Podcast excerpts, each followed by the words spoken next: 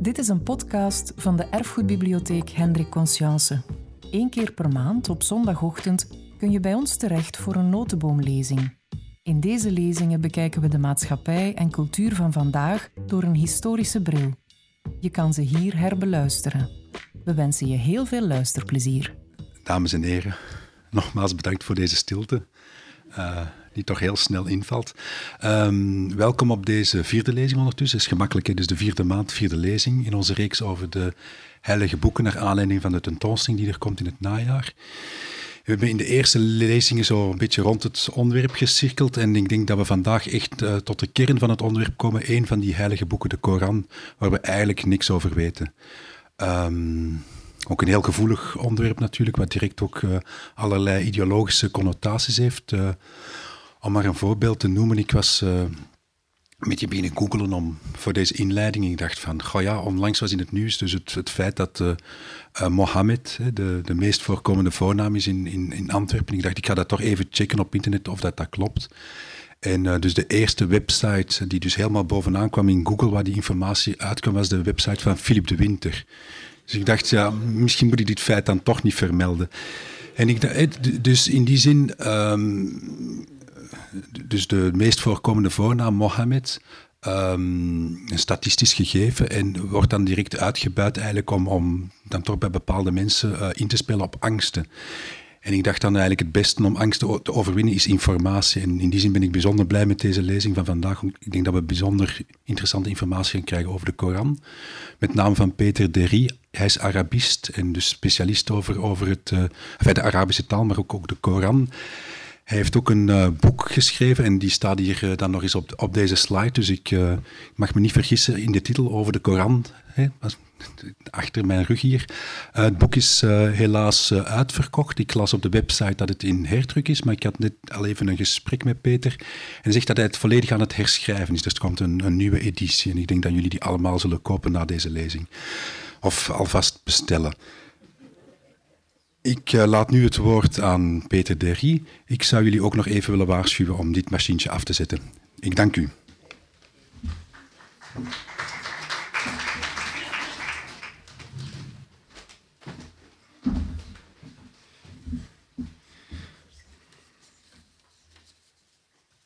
Goedemorgen, dames en heren.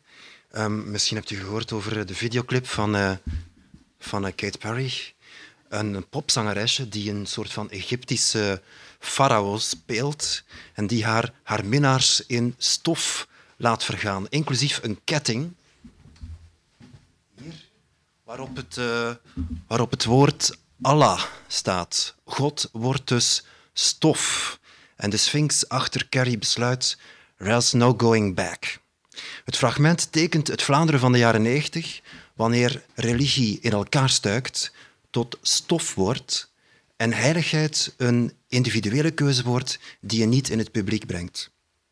Religie was duidelijk irrelevant en gênant en net als de Sphinx kwam niemand daarop terug. Maar nu zijn we twintig jaar later en hier in dit uh, oord van reflectie moet ik denken aan veelschrijver Hans Kung, die ooit voorspelde de 21ste eeuw zal religieus zijn of ze zal niet zijn. En tot ieders verrassing heeft hij gelijk. Um, religie is terug. En meer specifiek bedoel ik de islam, die het snelst groeit in Europa, meer zichtbaar wordt in aantallen gelovigen en instituties, ook in jongere cultuur en zeker ook in ethische kwesties die hoog gemediatiseerd is. Als oorzaak voor dit revival brengen sociologen vaak dezelfde reden naar voren, zoals maatschappelijke achteropstelling met ergo islam als politieke kracht. Nu, dit soort factoren vertrekt stevast vanuit een negatieve visie op religie, die religie ziet als een vorm van compulsief gedrag.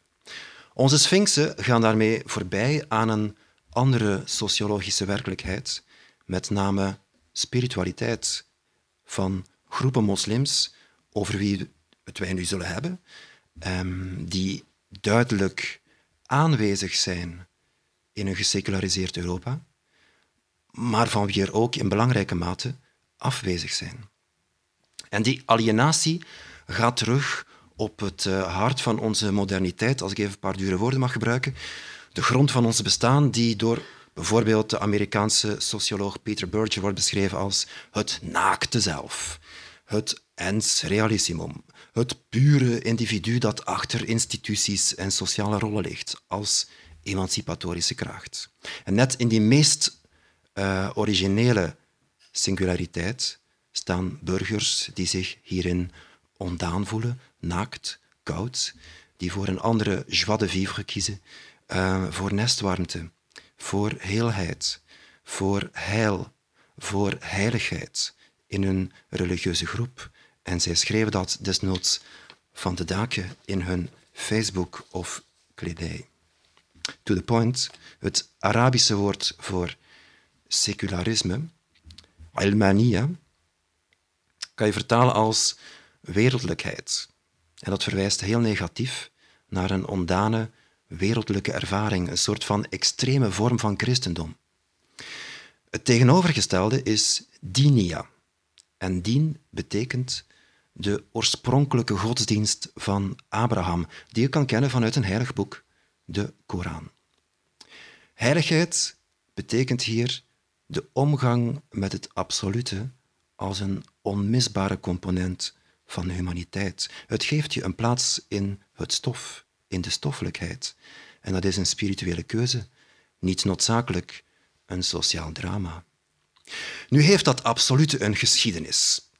We hebben daar een woord voor, heilsgeschiedenis. Dat is een term uit de christelijke theologie, waarmee men onder andere wil zeggen dat God daadwerkelijk mens is geworden en onze geschiedenis binnentrad.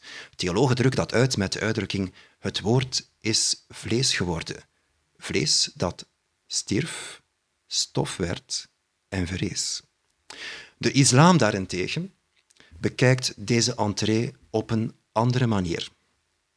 God wordt opnieuw geboren, zes eeuwen na Jezus Christus, in de zeventiende nacht van de maand Ramadan. Maar ditmaal zet hij geen zoon op aarde. Allah, of is het Gabriel, die maakt gebruik van een medium, de Arabier Mohammed, die het woord baart. Als persoon is Mohammed niet van goddelijke natuur, maar het woord is dat wel. Om Mohammed in zijn menselijk statuut te beschermen, uh, noemt de islam hem zelfs een analfabeet. De theologie richt zich dus op de talige vorm die onze geschiedenis binnentreedt als een veruitwendiging van Allah. U ziet hier achter mij de geboorte van de Koran en dat speelt zich niet af bij het kind dat rust in de warme adem van de ezel en de os. We hebben een engel in een grot die helemaal onderaan Mohammed pijnigt. En een biografie vertelt zelfs dat bij andere Koranopenbaringen Mohammed kon schreeuwen als een kamelenjong. Hij trilt, stikt, slikt, schokt, huilt, spuwt, heeft koorts. Met andere woorden, het woord slaat in en de profeet geeft zich over. Dat overgeven heet in het Arabisch islam. Het gevolg daarvan is salam, vrede.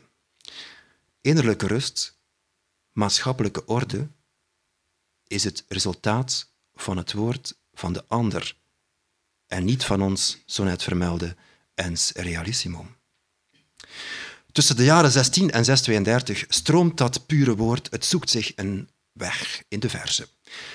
In de huidige bundeling van die woorden van God vinden we, ik moet even wat getallen geven, 6236 versen, 114 hoofdstukken of surah, waarvan 88 hoofdstukken in de karavaanstad Mekka geopenbaard, 26 in de oase Medina.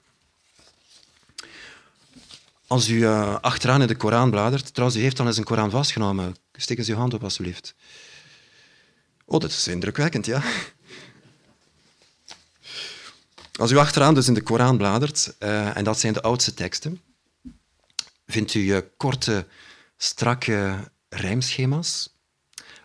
latere stukken die doen meer prozaïs aan, maar die poëtische structurering die blijft eigenlijk. Zo'n 86% van de verzen rijmt. Hoewel de Koran die rijmtechnieken met grote vrijheden hanteert, met uh, valse rijmen, monorijmen, noem maar op. Verder houdt de Koran een eigen stijl aan, in een ja, suggestieve, soms duistere taal. En je wandelt als lezer door een wereld van bezweringen, vloeken, vermaningen aan ongelovigen, herinneringen aan vroegere profeten, suggesties, vragen, korte antwoorden, morele oproepen, regels, vage regels, concrete regels, noem maar op. Ehm, ik zou natuurlijk met u nu het hele Koranboek willen lezen, maar dit lukt mij niet in een, uh, in een uurtje. Een paar voorbeelden van de zo net opgezomde uh, uh, stijlen. Je hebt hier bijvoorbeeld uh, achter mij een vorm van, van die bezweringen staan, een beetje orakelachtig. Of onderaan een, een eerder droog tekst, een, een regel over overspel, dacht ik. ja. Als u ehm, mooie verhalen wilt lezen, dan blijf je op je honger. Een klassieke verhalenstructuur, u weet wel, inleiding, midden, slot, suspense enzovoort, um, vind, je, vind je nauwelijks. Je botst wel op verhalende elementen, vooral bij de profeten. Maar de opbouw hiervan blijft verwijzend of herinnerend, waardoor de lezer eigenlijk al hoort te weten waarover het gaat. Het gaat in de Koran namelijk niet over de verhalen zelf, maar wel over het theologische idee dat erachter zit. En telkens komt datzelfde idee terug. Je hebt de mens die leiding nodig heeft van een profeet. Die komt u een heilige boek brengen. Dat is bijvoorbeeld de Torah, het Evangelie, de Psalmen, de Koran. Um, het volk daarentegen gelooft er niks van. Die wil de profeet doden, waarop God in een, uh, zoals we zeggen, colère schiet, het volk vernietigt en de gelovigen redt.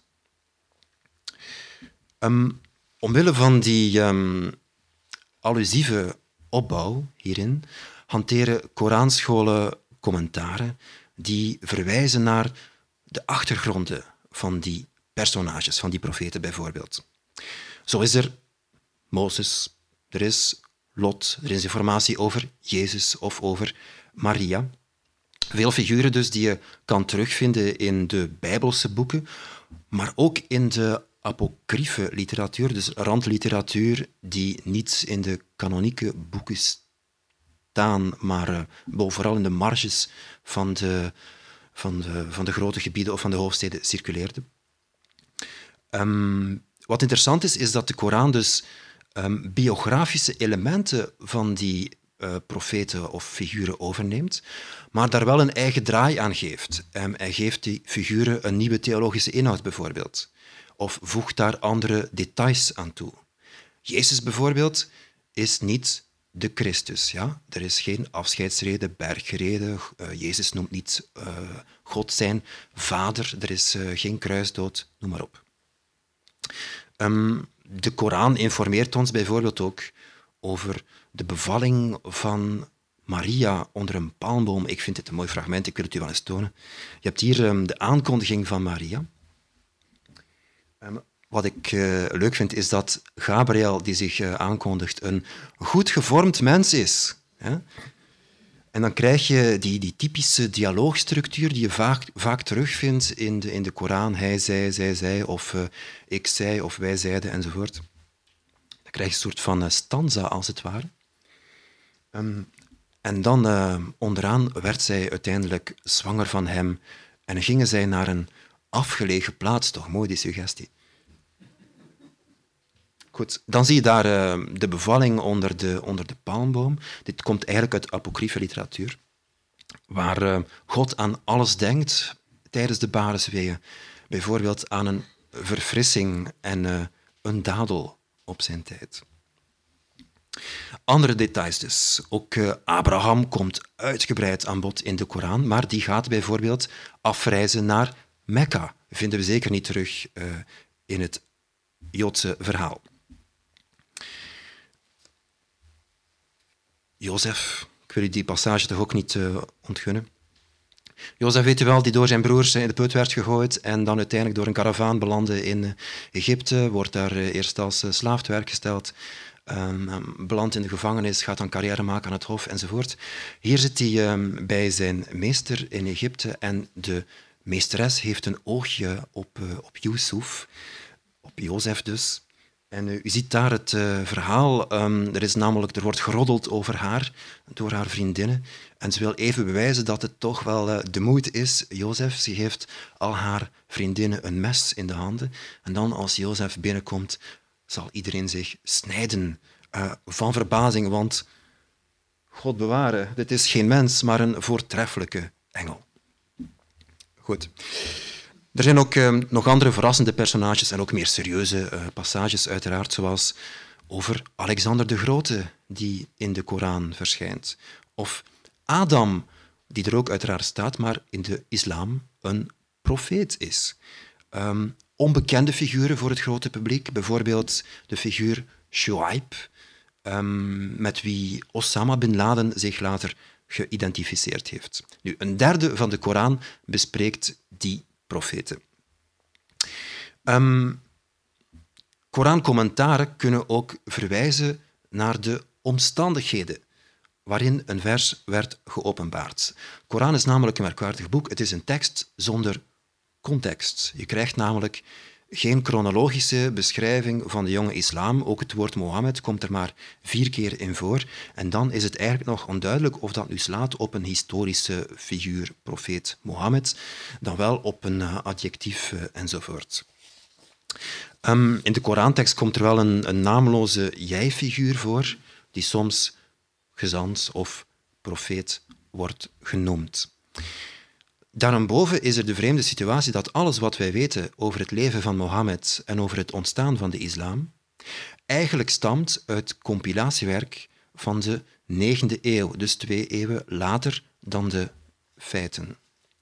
Het leeuwendeel van die oude literatuur van de eerste eeuwen is bijna geheel verloren. En we zitten dus in een soort van gesloten cirkel die de islamitische traditie ons opdringt. Nu, die achteraf geschreven literatuur vertelt de levensomstandigheden van de eerste gelovigen en die verklaart van hieruit de reden of de redenen waarom de verzen telkens werden geopenbaard.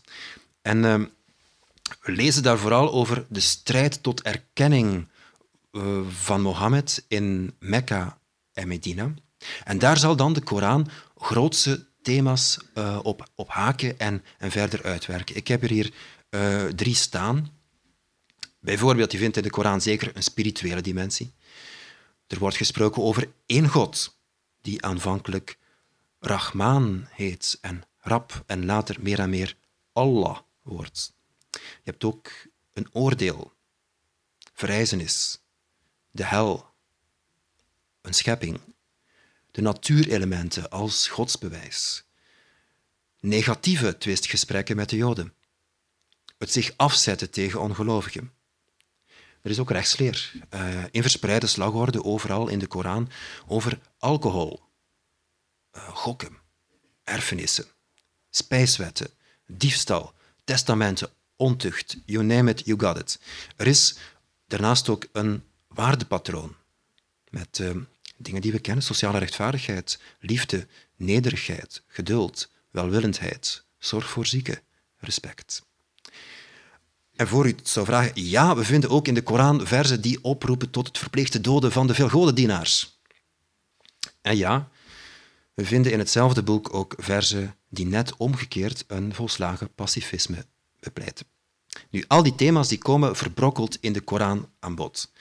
Het geheel is weliswaar voor de islam een bron voor recht, ethiek en geloofsleer, maar die vele clusters in de tekst samen zijn geen gestructureerd juridisch handboek, noch een filosofisch exposé.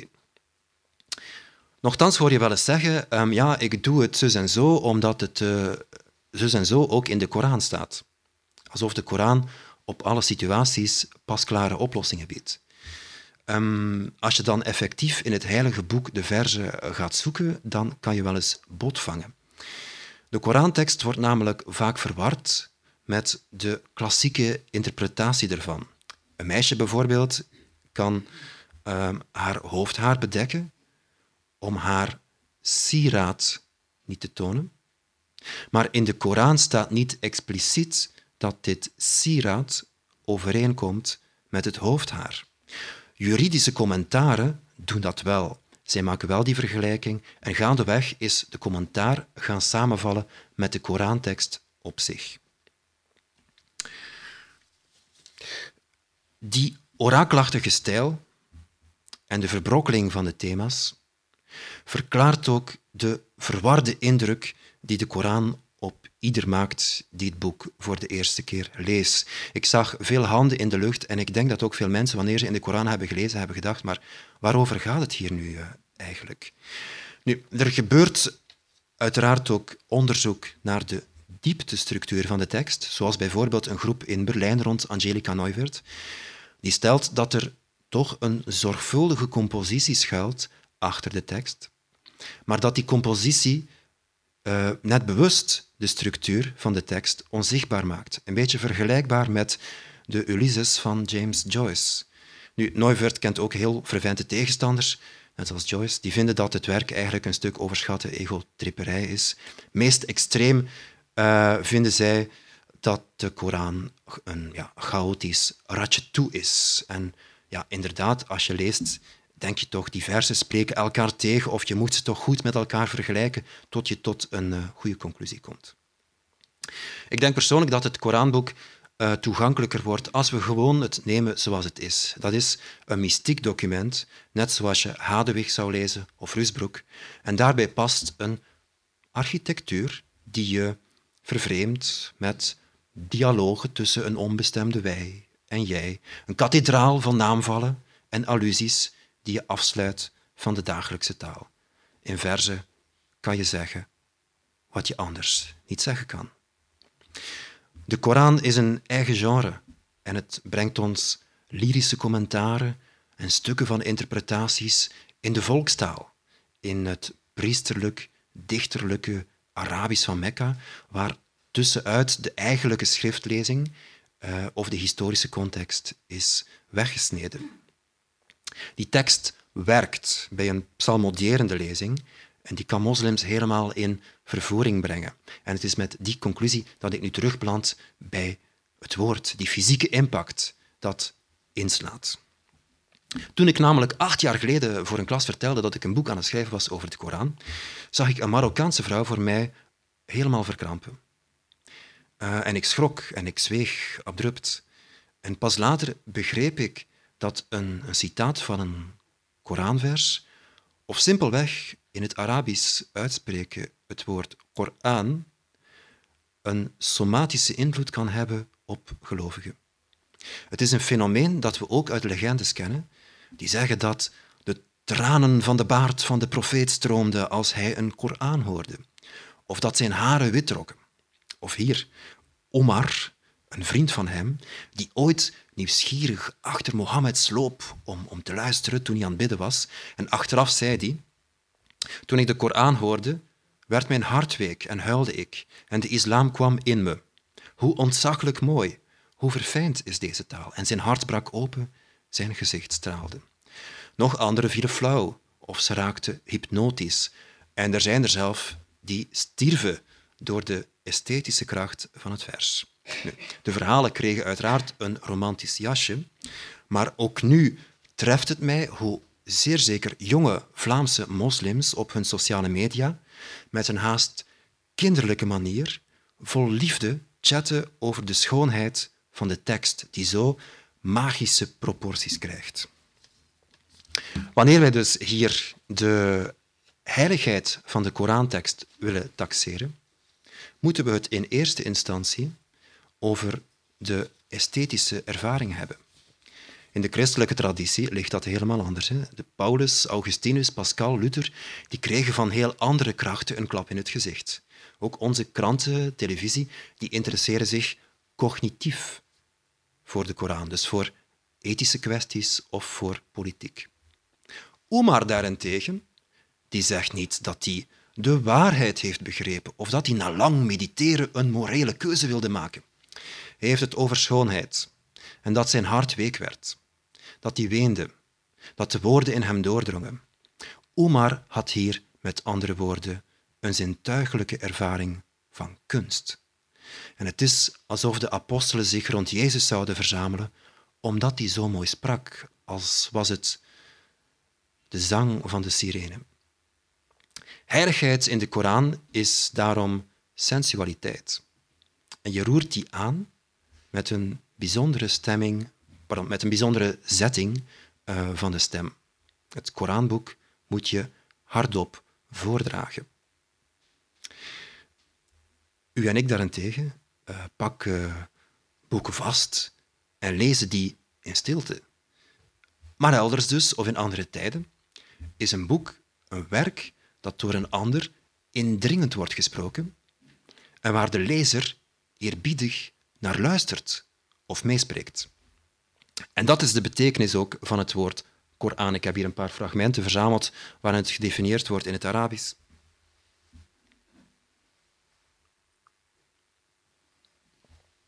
Dus lezen, reciteren. Dat was ook de normale liturgische praktijk van gemeenschappen in de late oudheid die aan lectio doen. Dus uh, heilige schrifturen publiek en hardop zeggen. Daarom ook beginnen talrijke versen uit de Koran met Kul, zeg, spreek. Het aanleren van de Koran is bij gevolg een mondeling gebeuren. En tussen de 11e en de 15e eeuw zijn strakke regels ontwikkeld om de Koran te articuleren, om die een toon te geven. Dat heet tajweed. Wie reciteert, die moet op allerlei aspecten letten. Ritme, timbre, pauzes, articulatie, drama, spanning, stemvibratie, lengte van de klinkers, uitspraak van de naamvallen en zo kan ik verder gaan. Veel uitspraakregels, veel woorden ook in de Koran zijn uniek en ook het schrift kent valkuilen. Rond de lettergrepen vind je 26 uh, hulptekens uh, om te helpen dus bij de recitatie en die dus ook helpen uh, om een, een, commentaar over te brengen. Want een pauze of een klemtoon in de tekst kan de inhoud van de tekst veranderen of beïnvloeden. Dat reciteren is dus geen papegaaienwerk, maar wordt telkens opnieuw geïmproviseerd voor een gemeenschap. Verzen of woorden zijn trouwens ook meerduidig. Er bestaan daarom commentaren op de verborgen betekenissen uh, achter het vers. En de recitatie dient om die uh, ja, veelheid eigenlijk, um, die meerduidigheid over te brengen. Mijn punt is dat als u een Koranboek in het Nederlands vastneemt, u veel meer moet zien dan een gedrukte vertaling. Het is alsof je naar een lied van Schubert zou luisteren, door alleen maar de woorden op papier te zien, alleen maar in vertaling en zonder muziek. Ja? De gedrukte Koran is louter een hulpmiddel bij de recitatie. Als het louter een hulpmiddel is, is mijn vraag, ja maar waar is dan de eigenlijke Koran? Wel, we lezen in de tekst, God wist uit en hij bevestigt wat hij wil. Bij hem is het oorspronkelijke boek. Dat oorspronkelijke boek is dit keer niet de stenen tafelen, de tien geboden, Gods contract met de mensheid, de wet in het Jodendom. De Oerkoran is dit keer ook niet een bundel verhalen over een persoon, Jezus Christus, in wie de wet haar volle betekenis krijgt voor de christenen. De Oerkoran, en dat is de ultieme perfectie van de wet, is een verheven, wijs, oorspronkelijk boek bij ons, een soort van hemels moederboek, een onveranderlijk, hemels, eeuwig prototype, waar geen sterveling een letter van kan schrappen en waar die latere aardse tegenhanger, het gereciteerde boek van de moslims, de volmaakte kopie van is. Dat moederboek geldt als origineel van alle heilige boeken.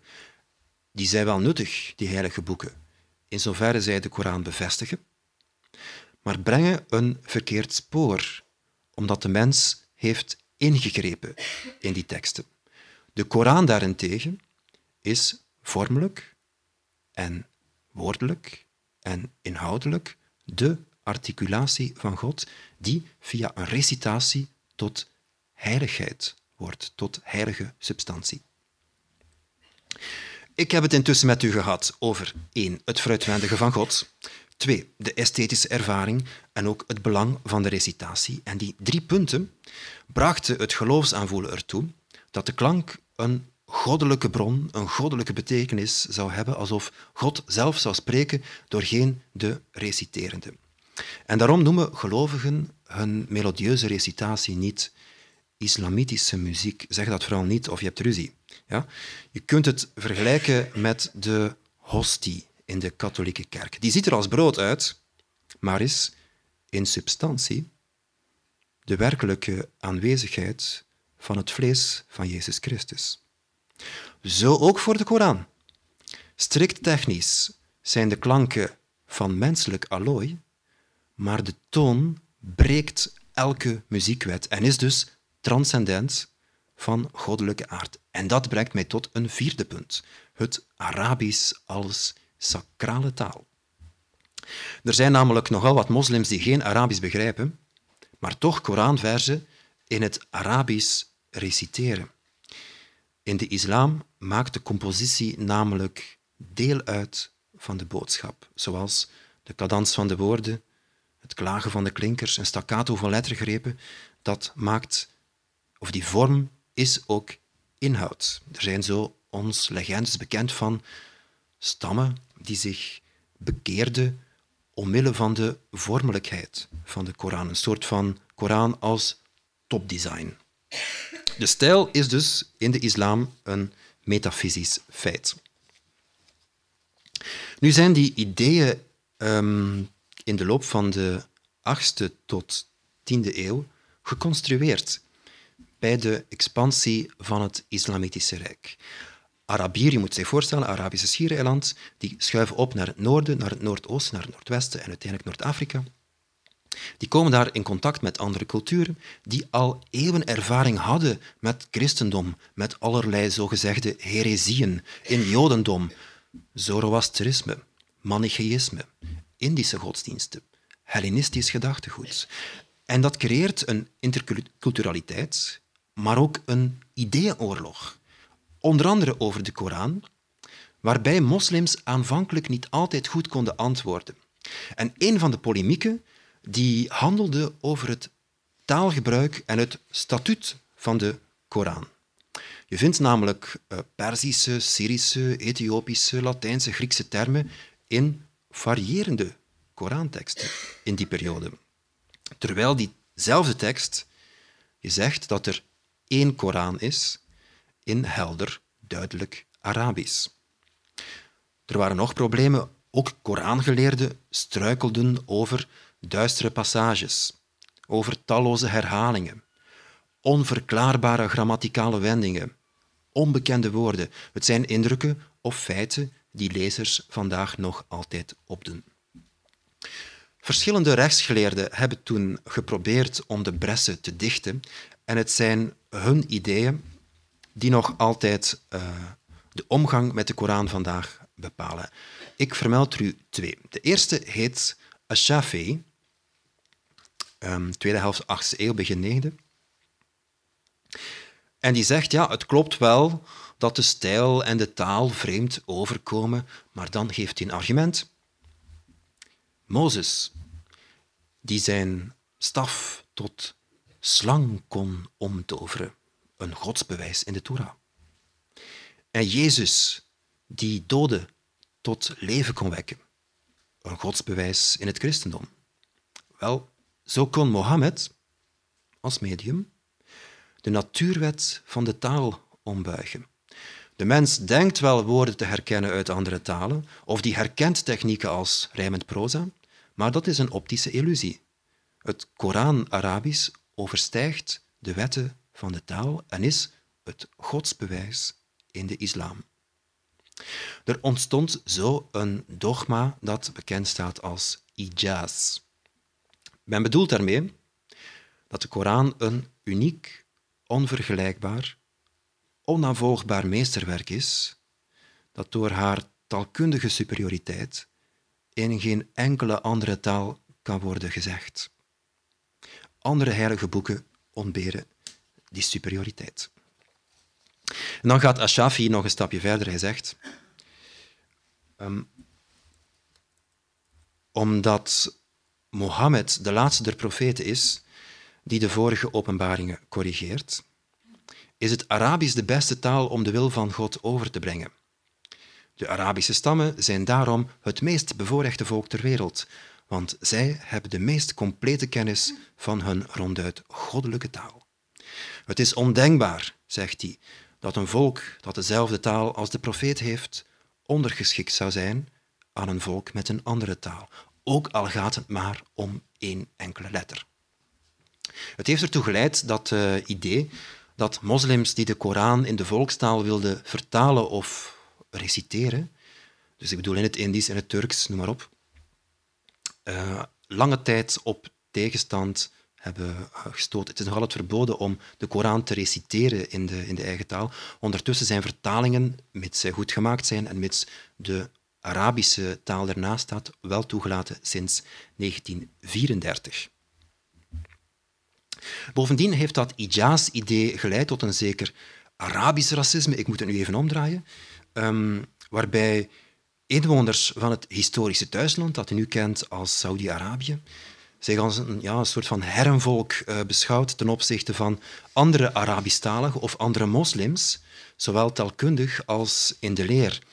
Um, hun Koran-interpretaties worden nu door een professioneel missieapparaat mondiaal gepromoot. En dat gaat eigenlijk ten nadele van esoterie of van volksreligiositeit of van een zekere elasticiteit in Afrikaanse stromingen, Iraanse stromingen, Indische stromingen. Dus die pluriformiteit gaat daardoor wat uh, verloren.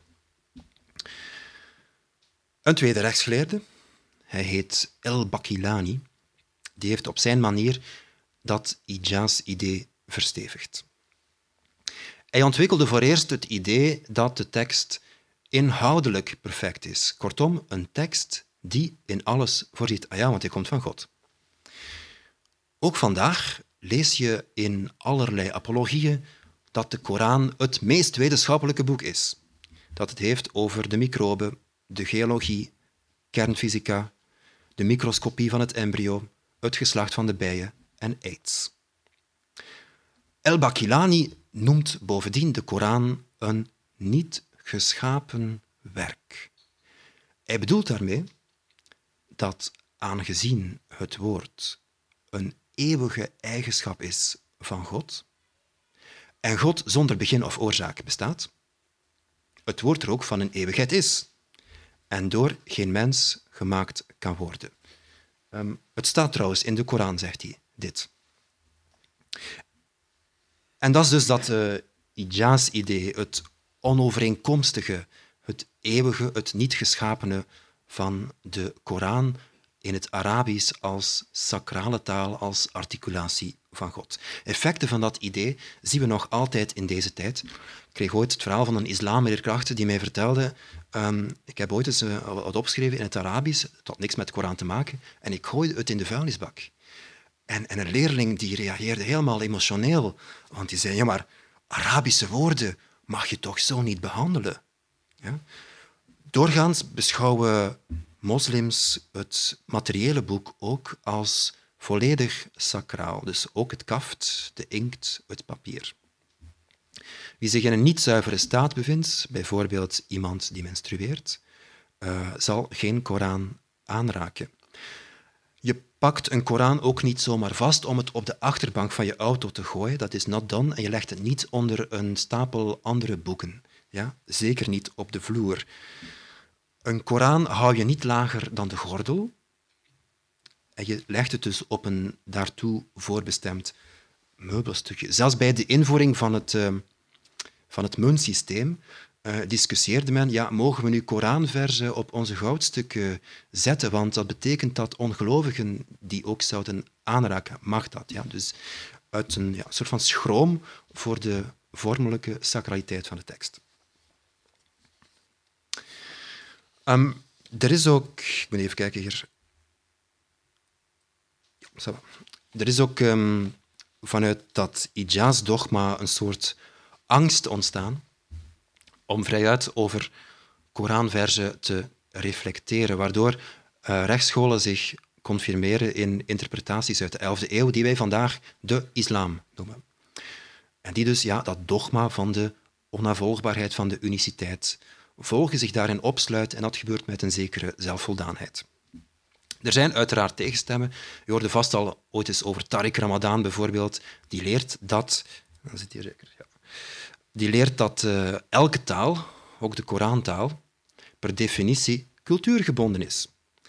Bijgevolg moet je bij nieuwe filosofische situaties, zoals secularisatie, waar ik mee begon, uh, die cultuur niet de rug toekeren, maar die net als een opportuniteit beschouwen om na te denken over de betekenis van de Koran binnen die cultuur.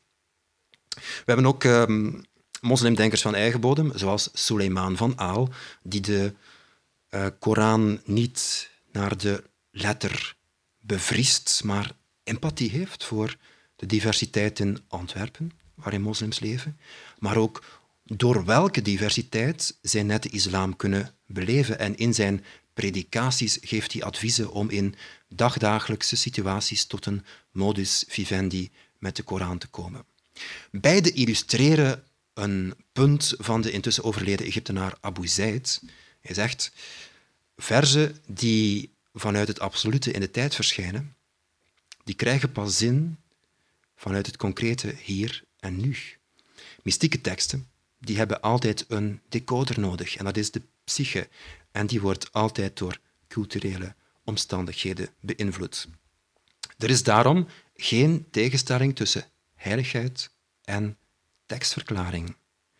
En Abu Zaid stelt dat in die zin de Koran voortdurend herschreven wordt. Het is telkens in de tijd een nieuw boek. De Koran wordt telkens opnieuw stoffelijk. Zijn werk is in Egypte verboden. Nochtans, vormt dat Ijaz-idee over de Koran de spirituele uitdaging voor de islam in een hyperindividuele, pluriforme uh, maatschappij. En het zou zeker tegemoetkomen aan die alienatie waar ik het over het begin had.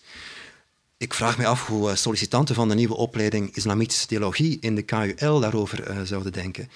Zij zouden bijvoorbeeld kunnen zeggen dat door de nauwe band met de taal, de Korantekst, zichzelf ontheiligt en dat als oplossing filosofen die relatie tussen het moederboek en de Korantekst kunnen herdenken, waarbij de Korantekst vandaag als het ware getuigenis aflegt van het woord van God, in plaats dat die Korantekst een vaste, gefixeerde tekst zou zijn. Maar goed, we dwalen af. Ehm, ik wil nog eh, even iets zeggen over die um, moslimdenkers van eigen bodem en dan gaan we naar de transmissie van de tekst. Dus waar komt de uh, Koran, moest die hier naast mij staan in de bibliotheek, eigenlijk vandaan? Want uh, we hebben altijd een kopie van een kopie van een kopie, maar waar is het eerste exemplaar? Nog iets over uh, imams, ja, waar ik me toch zorgen over maak, is dat wij het hen in die moeilijke geestelijke oefeningen, het woord is wel toepasselijk hier in deze oude Jezuïetenbibliotheek. Het zijn geestelijke oefeningen. Um, hebben goed bedoelende opiniemakers en subsidiemachines die moslims bij de haren trekken om, om tot een Europese islam te komen. Dat is eigenlijk waarover het gaat. Anderzijds hebben die analisten weinig oog voor de inhoudelijke kant van de predikatie, die, die toch werkt in heel langzame uh, subtiliteiten. Waardoor we imams herleiden tot hun sociale netwerken of tot symbooldossiers. En daardoor gaan we die mensen te extreem of te snel in een um, extreme hoek um, ja, um, eenzijdig typeren. En experts gaan daardoor net de vonk blussen waar zij zo naar uitzien. Daarnaast is er ook ja, de wil tot uh, zichtbare diversiteit in media of sociale actoren die oprecht de ander wil bevestigen. Maar net daardoor gaan we stereotype uh, religieuze ideeën um, waarderen en ongewild alternatieven in godsdienstbeleving onderdrukken, omdat u dit snel als islambashing ziet. Dit is hier een citaat van uh, Abu Zaid. U uh, kunt het zelf lezen. Um, ja, dit wordt snel getypeerd als onwenselijk, ja, terwijl het gewoon een moslim is die op een andere manier spreekt dan we zouden denken over zijn Koran, over zijn islam.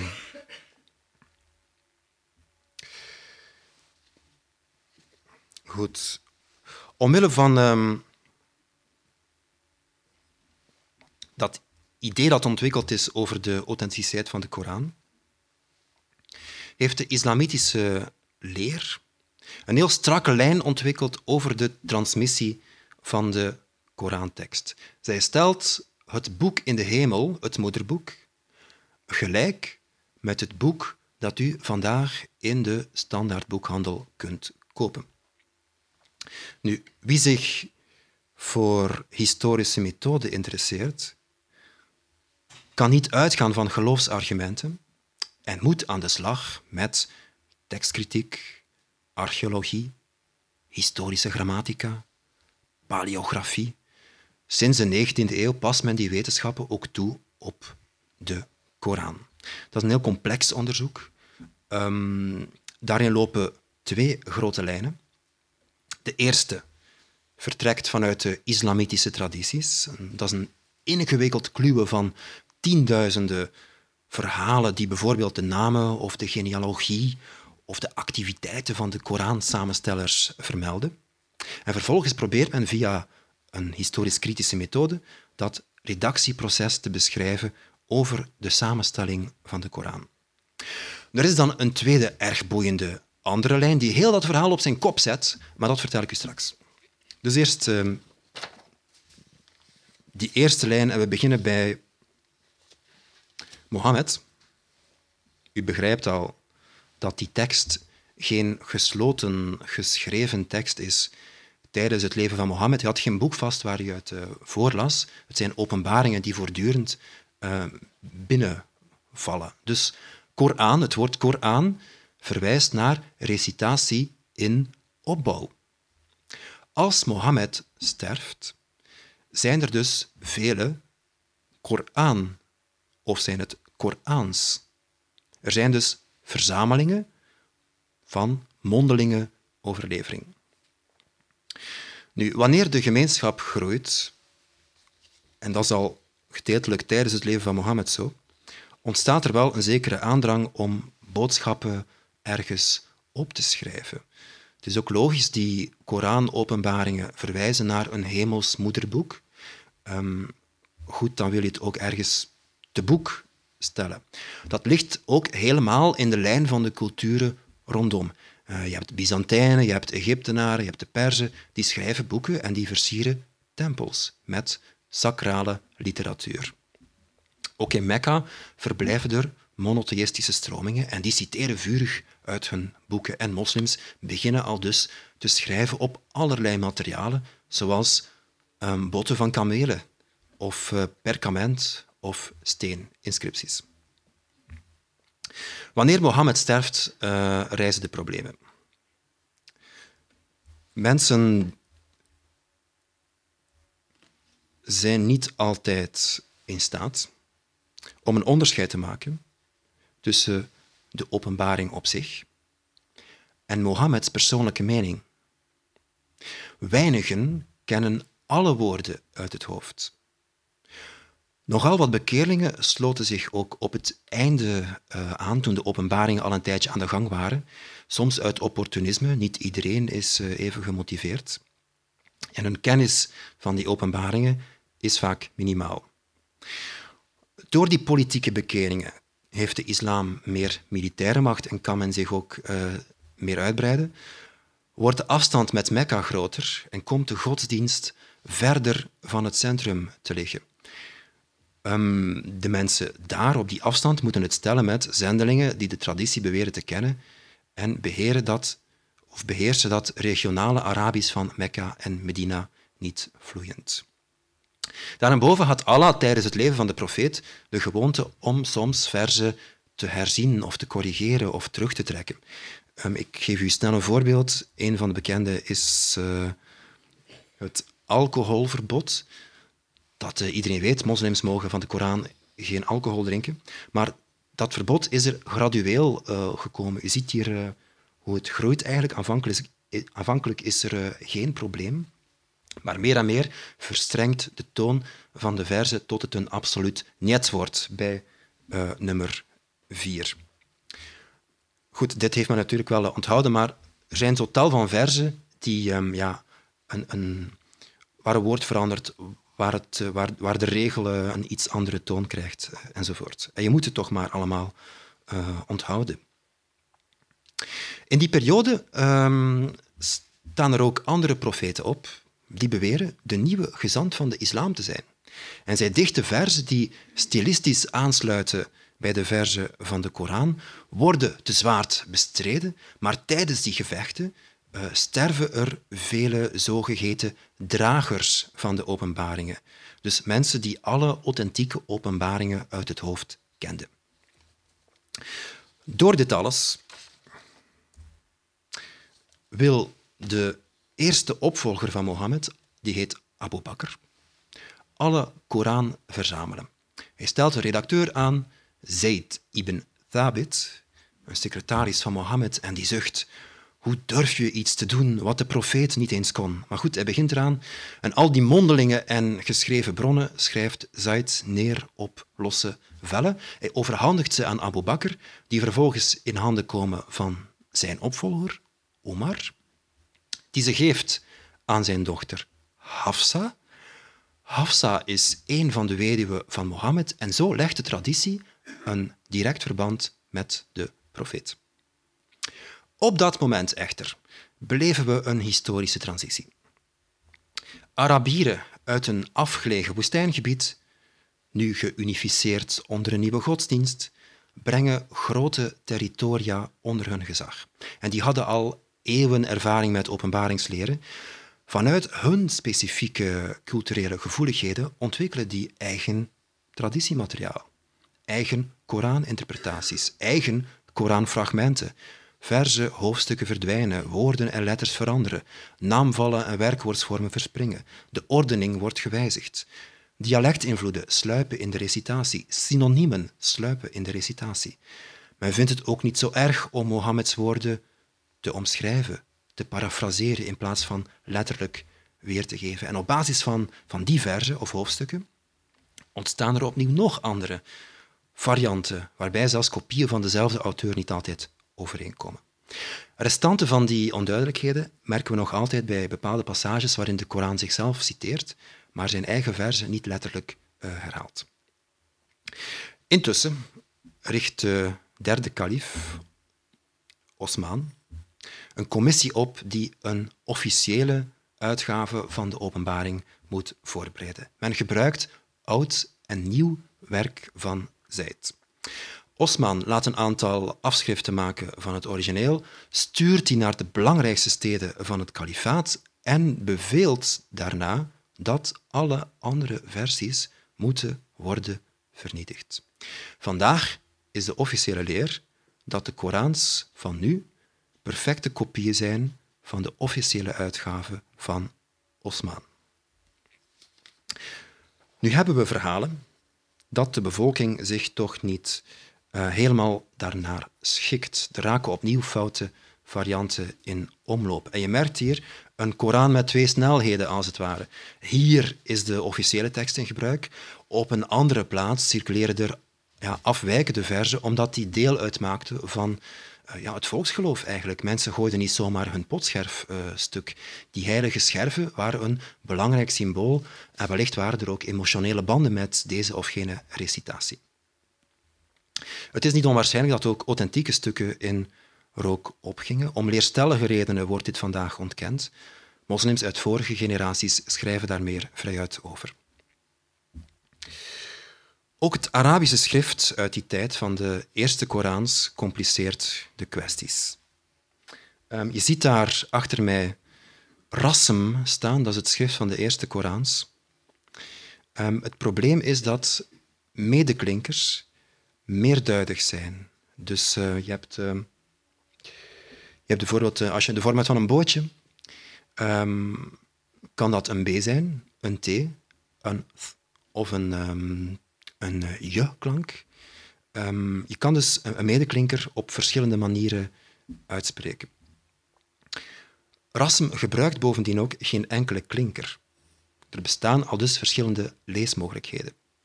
Het lezen lukt als je de tekst al uit het hoofd kent. Dus dit is ja, een soort van geheugensteuntje voor het reciteren. Vanaf 750 lost men dit op door boven of onder de teksten puntjes en streepjes te zetten.